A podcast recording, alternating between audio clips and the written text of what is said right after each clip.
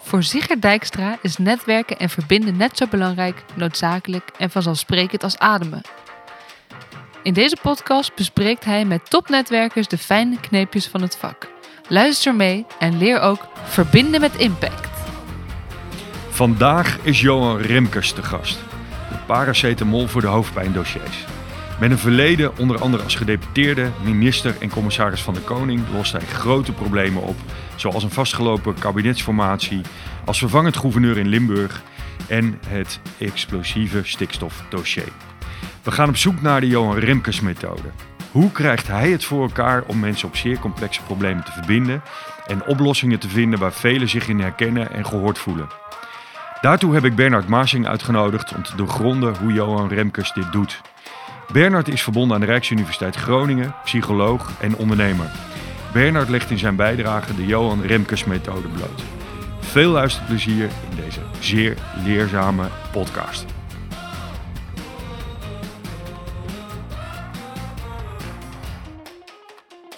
Ik begon met te zeggen van je bent een soort paracetamol voor, uh, voor, voor allerlei problemen die, uh, de, de, de, die er in deze maatschappij zijn. Uh, heb, heb jij inmiddels in jouw hele leven een soort van gereedschapskist gevuld met, met dingen die je heel goed kunt gebruiken om, om dat soort processen vlot te trekken? Heb, heb jij dingen, die speciale manieren van aanpak die je hanteert? Nee. Nee, er is ook niet één, niet één manier van aanpak. Alles, uh, alles vraagt om een eigen, om een eigen antwoord. Afgezien van wat meer algemene noties die ik, uh, die ik zojuist aangaf. Maar zoals gezegd, Limburg was een heel ander verhaal dan, dan stikstof. wat je, kijk, op grond van de geschiedenis weet je natuurlijk wel als je gevraagd wordt als voorzitter van een commissie dat je je uiterste best moet doen om te zorgen dat je met eensluidende aanbevelingen komt. Als een commissie komt met uh, een verdeeld advies, dan is de waarde daarmee uh, direct uh, behoorlijk marginaal geworden. Ja. Dus dat soort noties en, en, en, en vanuit die invalshoek wordt er natuurlijk aan, altijd wel een, er worden wel een aantal eisen aan je stuurmanskunst als voorzitter gesteld.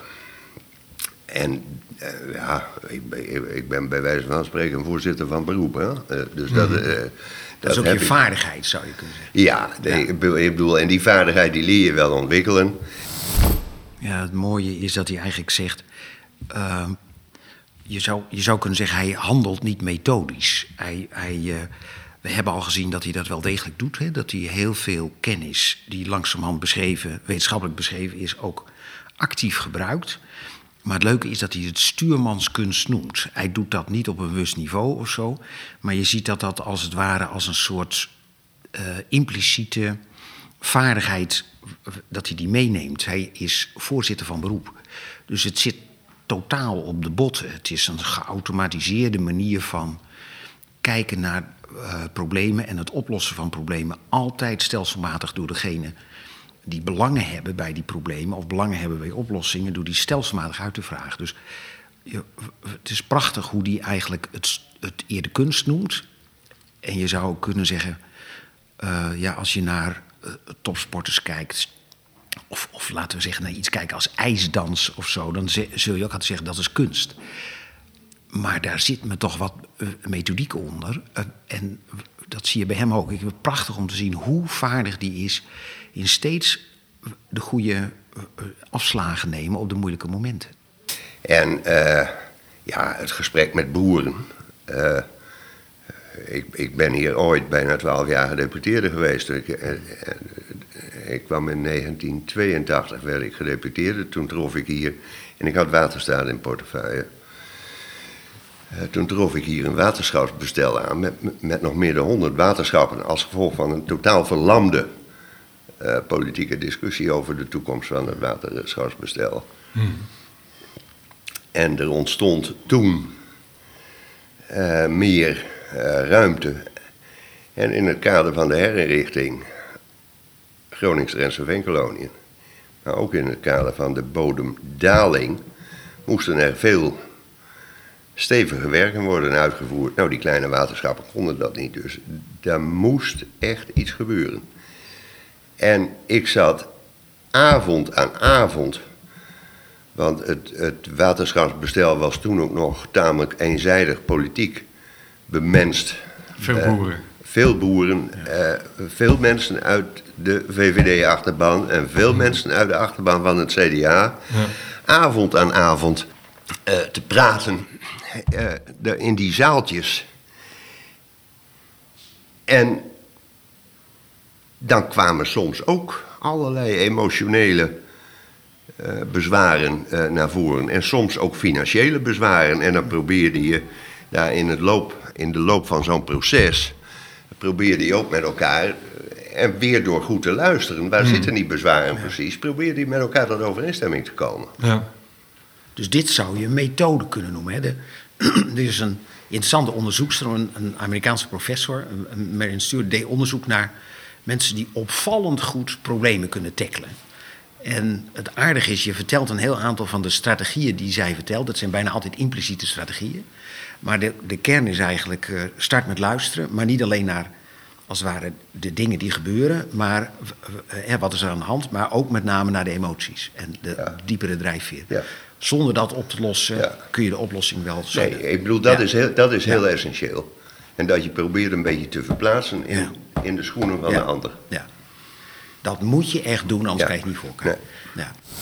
ja, je zou kunnen zeggen dat het van belang is om de vaardigheden van zo'n man, hè, die in staat is om zelfs eh, rondom zo'n stikstofdossier, hè, waar, de, waar mensen daadwerkelijk zodanig in hokken waren terechtgekomen dat ze absoluut niet zelfstandig het meer zouden kunnen oplossen, dat we dit soort vaardigheden terug moeten geven aan de maatschappij. Dus het bevragen van Johan Remkes op zijn strategieën, hoe pakt hij dat in vredesnaam aan, is natuurlijk wel degelijk essentieel. Willen we ook dit soort vaardigheden, die voor de toekomst vreselijk noodzakelijk zijn, willen we die ook door kunnen geven?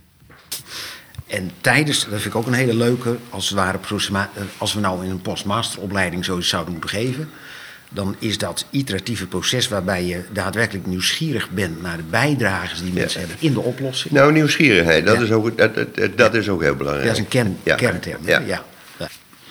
Want we zijn natuurlijk wel van plan om er een soort postmasteropleiding van te maken. Hè? Van, hoe Ja, dat vrees nou- ik al. Ja. Precies. Hoe los je de Ja. grote problemen op? Nou, hoe zorgen we dat we niet alleen maar versplinteren, maar dat Ja. we op een gegeven moment ook de power van verschillende visies gebruiken om de oplossingen te versterken? Ja, en, maar deze problematiek is, is natuurlijk in, in, in, in, een, in een behoorlijk versplinterde samenleving, zowel maatschappelijk als ook politiek. hè, Dat begint een steeds indringender vraagstuk te worden. Eh, en eh, ook als ik kijk naar het functioneren van de Tweede Kamer, daar kun je de grootst mogelijke zorgen over maken. eh. En hoe lossen we dat op? Want het, het kan niet alleen eh, één persoon, Johan Remkes, zijn die dat in Nederland oplost. Er zullen heel veel mensen op, op een andere manier moeten gaan werken. Nee, ik, ik, ik, ik, ik, had, ik had gisteren dat, dat van het parlement, dat zal de Kamer zelf moeten doen.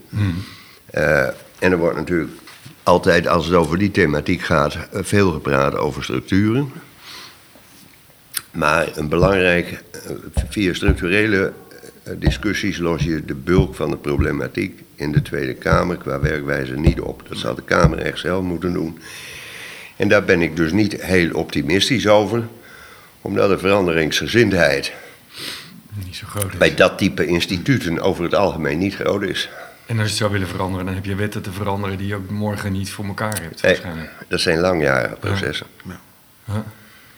En raakt dus primair aan cultuur en veel minder aan structuur. Eh, wat mooi is wat hij hier zegt, hè, dat we heel vaak proberen eh, dingen op te lossen door, je zou kunnen zeggen, structuuroplossingen te maken. En je denkt, als ik nou de structuur verander, dan betekent het vast dat het opgelost raakt. Maar hij zegt eigenlijk dat zo werkt dat helemaal niet.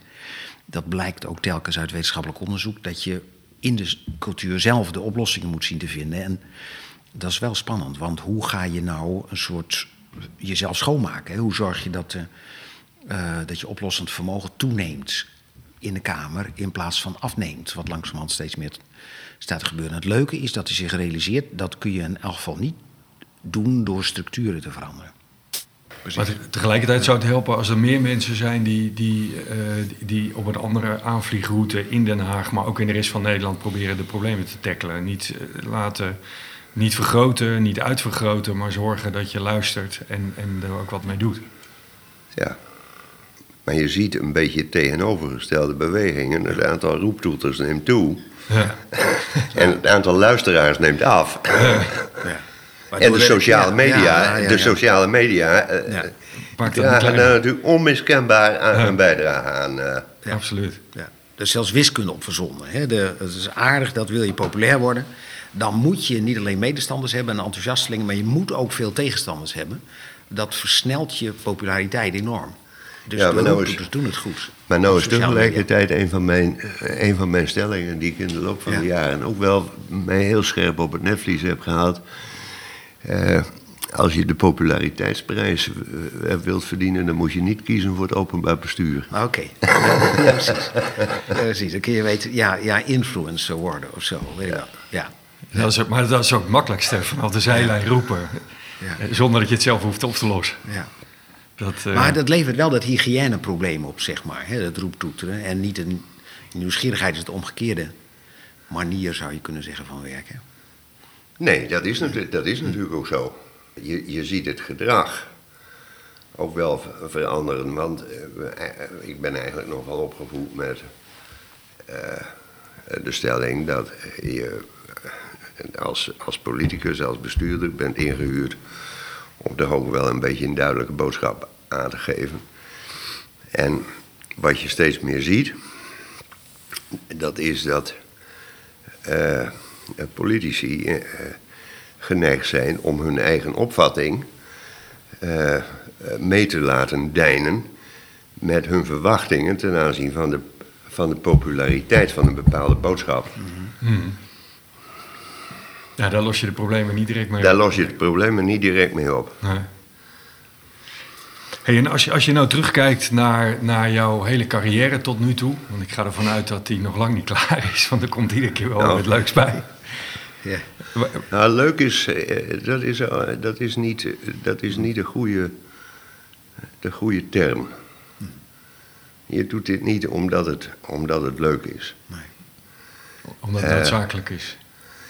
Ja, vanuit een zekere uh, publieke, uh, publieke gedrevenheid. Uh, ik heb in, dat, in dat stikstofverhaal heb ik ook iedere keer met, ik had natuurlijk ook wat medewerkers, iedere keer de discussie gehad. We redeneren vanuit het algemeen belang. Mhm. En nou weet ik wel dat het algemeen belang niet een soort objectief. Eh, eh, een, een, een, een soort eenduidig begrip is. Maar je moet het, eh, en dat was, de, dat was eigenlijk de drive. Je moet het vanuit verschillende invalshoeken goed kunnen verdedigen. Wat er, hmm. op tafel, wat er op tafel komt te liggen. Wat hij heel mooi aangeeft is eigenlijk dat hij zijn, ook in zijn eigen carrière hè, zie je dat die, die iteraties, hè, die, die, je zou kunnen zeggen, hij begint klein, maar hij doet ervaring, hij doet kennis en vaardigheden op. Die past hij steeds weer toe en daar haalt hij weer kennis uit. En zo wordt hij vaardiger en vaardiger. En op een gegeven moment zou je kunnen zeggen: voor minister moet je ook energie hebben. En op je zeventigste moet je daar niet meer aan denken. Dus eigenlijk prachtig hoe die man uh, meeleeft, zullen we zeggen, met zijn leeftijd. Um, en tegelijkertijd zie je ook dat wat hij aan vaardigheid opdoet, is dat hij het Ehm, de mogelijkheid heeft om om de individuele belangen, of de tijdelijke belangen zou je kunnen zeggen, of de, uh, hoe de wind waait vandaag, heen te kijken. Heeft een soort grotere koers, of een soort, ja, ik zou dat betekenisvol in plaats van leuk noemen. En je ziet ook steeds dat hij afziet van de term leuk. Um, want het is veel meer betekenisvol zijn voor het algemeen belang. Um, en dat is ook wel aardig als je kijkt naar stressonderzoek bijvoorbeeld. Dan zie je dat mensen die een betekenisvol, stressvol leven hebben.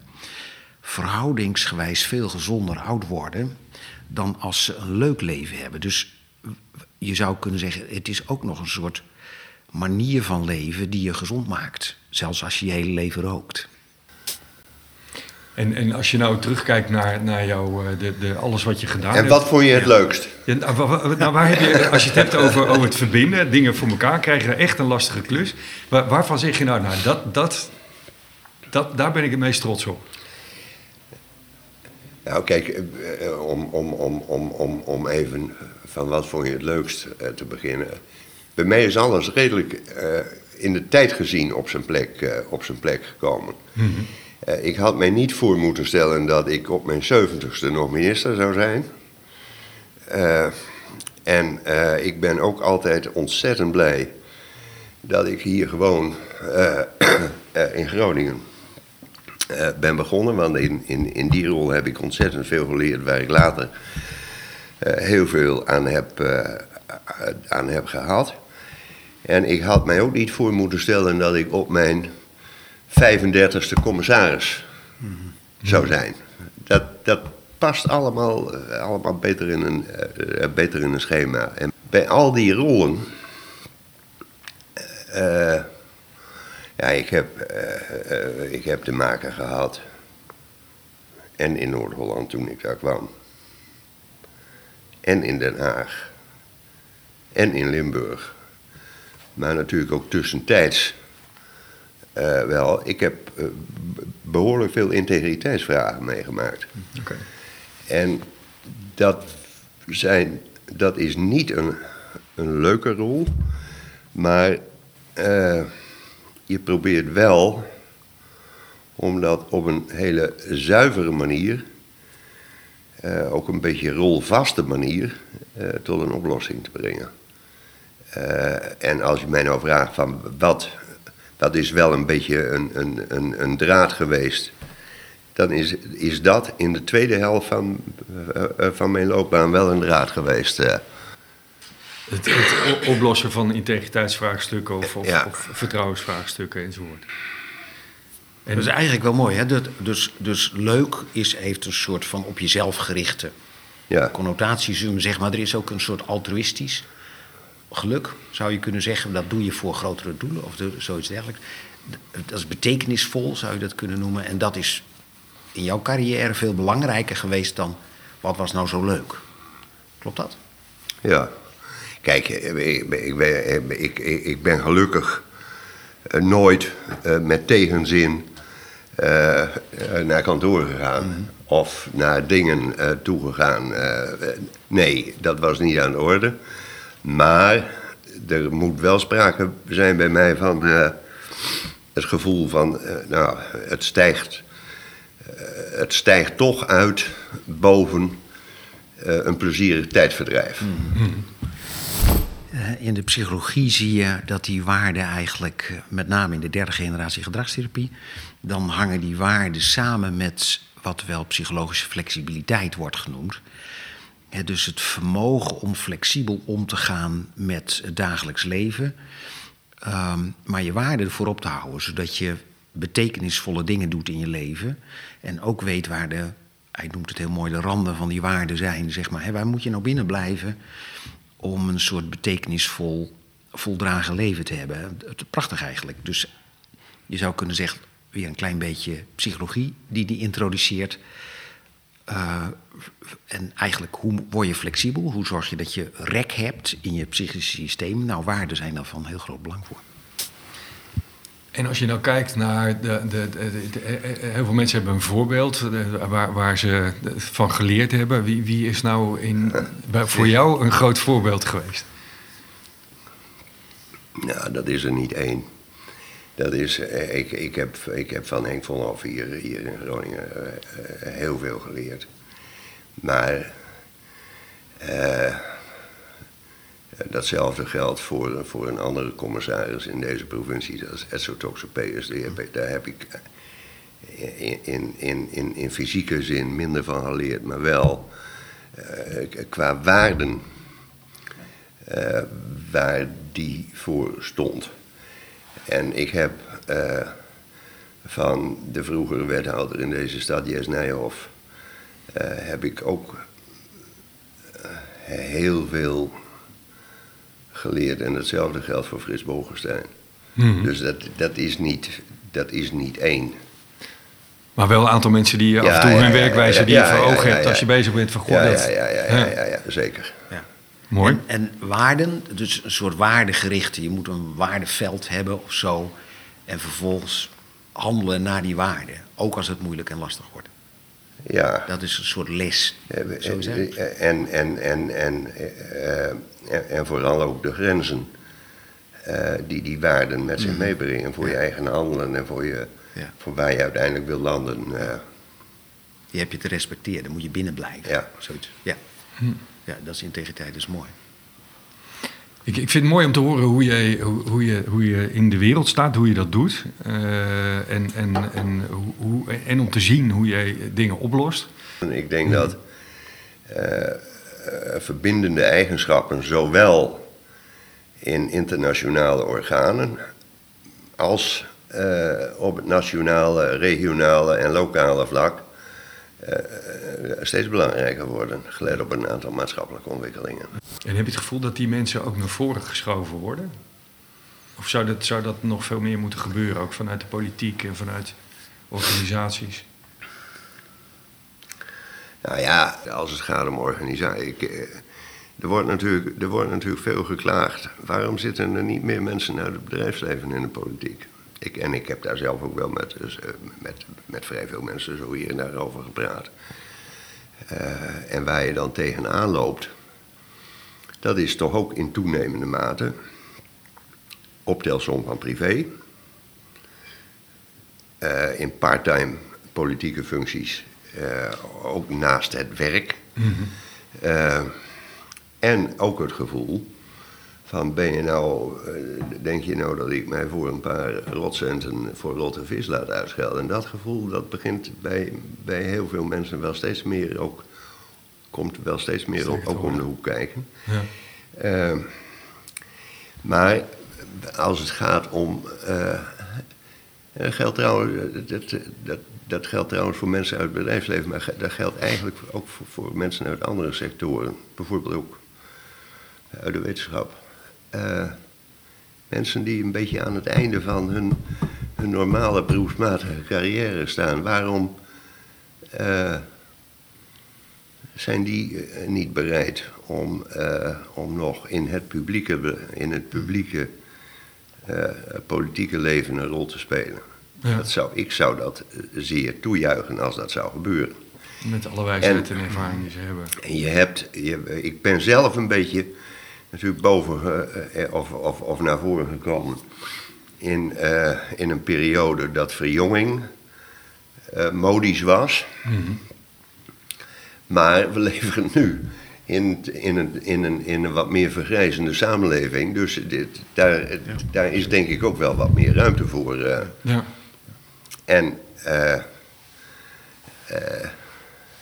als je goede mensen ziet, Ja, volgens mij thematiseert hij iets wat voor de toekomst heel belangrijk is. Hè? Dat we ons gaan realiseren dat op je 65 of 67 met pensioen gaan... dat een beetje achterhaald wordt. Hè? Gemiddeld genomen leven we straks 30 jaar. Na onze 67ste gaan we gewoon doorleven. En wellicht nog veel langer, als je de Harvard University mag geloven. Ehm, en dat betekent dus dat je ook in die levensfase betekenisvolle dingen gaat doen. En het leuke is dat je vaak ziet dat dan eh, het testosteronpeil van ons een beetje lager is. Hè? De- Een testosteron zorgt ervoor dat we roeptoeters worden. En als die wat lager is, dan zijn die verbindende eigenschappen veel sterker. Bij mannen is dat heel uitgesproken waar. En het is leuk dat hij zich realiseert. Dus we hebben, als we mannen zouden moeten gebruiken in die derde levensfase, zullen we zeggen, hè, na je, nadat je met pensioen gaat, dan zou het wel eens kunnen zijn dat dat ook de mannen zijn die het meest verbindend zijn. En dat zijn ze eerder in hun leven gewoon minder, want dan zijn ze toch nog een beetje de gorilla die zichzelf op de borst slaat. Als afsluiting, als je nou eh, ons en iedereen een, een boodschap, een, een belangrijke les zou moeten meegeven. We hebben het over, over verbinden gehad, over de problematiek waar we tegenaan lopen in Nederland en naar buiten. Wat, is nou één heel belangrijk ding waarvan je zegt, nou dat, dat vind ik echt, dat wil ik echt eh, iedereen meegeven? Hou, hou je eigen waarheid even een tijdje achter de haag van je tanden en denk er voor die tijd nog even over na. Oké. En impliciet dus ook luisteren voordat je wat zegt. Juist. Ja, Mooi. ja dat is een mooie. Ja, Ja. Precies. Hou hem achter je tanden. Ja, het is eigenlijk prachtig als je naar Johan Remkes luistert om de, de, ja, toch deze kunstenaar te horen. Hè? Die, die eh, al pratend gaandeweg, zou je haast kunnen zeggen, een beetje oplepelt eh, wat, wat moderne communicatie eigenlijk is. Hè? Hij, hij vat in zijn voorbeelden samen hoe het Harvard Negotiation Project werkt. Hè? Daar wordt al sinds 1979 onderzoek gedaan naar communicatie- en onderhandelingsprocessen en wat daar eigenlijk eh, essentiële onderdelen van zijn. En hij benoemt ze eigenlijk allemaal. Dus hij zegt eigenlijk start met empathie, zorg dat je inleeft, ehm, zorg dat je echt snapt waarom het gedrag van de ander logisch is. Het aardige is dat hij daar zelfs hele specifieke methodes voor heeft. Dat je niet alleen de buitenkant, de positie uitvraagt, maar met name de emoties erachter. En zelfs doorvraagt tot je het allerlastigste te pakken hebt. Hij maakt heel mooi onderscheid tussen empathie en sympathie. Ehm, want daar, is een essentieel eh, eh, verschil tussen. Iets wat hij prachtig doet is design thinking. Hij schuift zijn eigen oplossing eerst vooruit en zorgt eerst dat hij de rijkdom voor, van andermans visies, meningen en kennis incorporeert voordat hij met een oplossing komt. Wat je ook heel mooi ziet wat hij doet, is dat hij opdrachten aanneemt ehm, op een hele specifieke manier waardoor hij onafhankelijk wordt. En juist bij onoplosbare problemen is dat een essentiële vaardigheid. Je moet buiten de strijdende partijen zien te komen.